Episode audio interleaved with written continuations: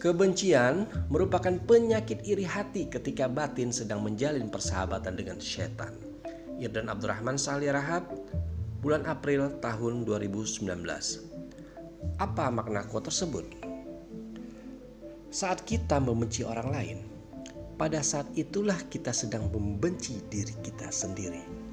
Namun, ketika kita memaafkan orang lain, terlepas dari orang tersebut salah atau kita yang benar, pada saat itulah kita mendapatkan kedamaian di dalam hati. Kebencian membuat kita mengingat semua kesalahannya dan melupakan kesalahan kita kepadanya dan dapat membuat kita melupakan kebaikannya dengan mengungkit kebaikan kita terhadapnya. Kebencian kadangkala dipersembahkan dengan rasa tidak suka, menggunjing hingga menjurus kepada fitnah. Kebencian dapat menjadikan kita merasa lebih baik, merasa paling benar hingga mampu merendahkan orang lain. Hati-hati dengan kebencian, karena kebencian dapat menimbulkan hasut dalam diri. Salah satu penyakit iri hati yang tidak suka melihat seseorang memperoleh kenikmatan. Hasut merupakan bentuk ingkar terhadap takdir dan menjadikan kita suudzon kepada Allah karena berharap kenikmatan hilang dari orang lain. Rasulullah bersabda yang diriwayatkan oleh Muslim. Janganlah kalian saling dengki, jangan saling menipu, Jangan saling membenci, jangan saling membelakangi dan jangan kalian membeli suatu barang yang akan dibeli orang. Jadilah kamu sekalian hamba-hamba Allah yang bersaudara. Seorang muslim adalah saudara bagi muslim yang lain. Tidak layak untuk saling menzolimi, berbohong kepadanya, dan acuh kepadanya. Takwa itu ada di sini.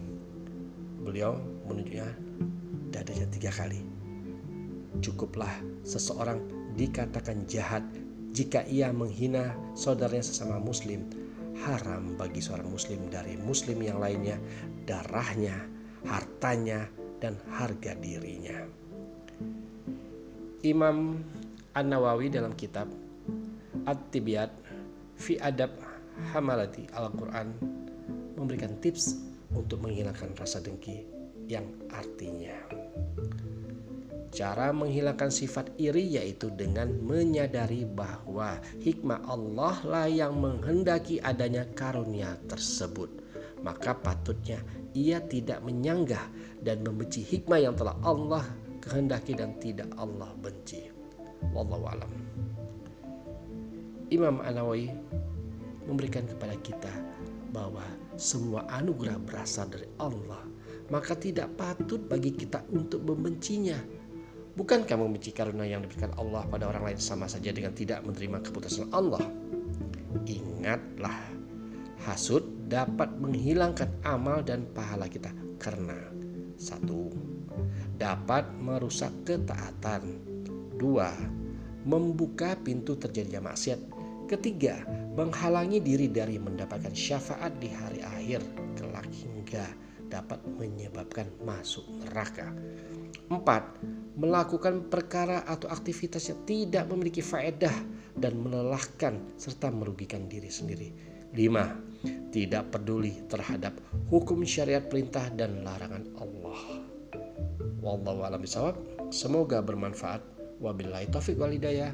Wassalamualaikum warahmatullahi wabarakatuh.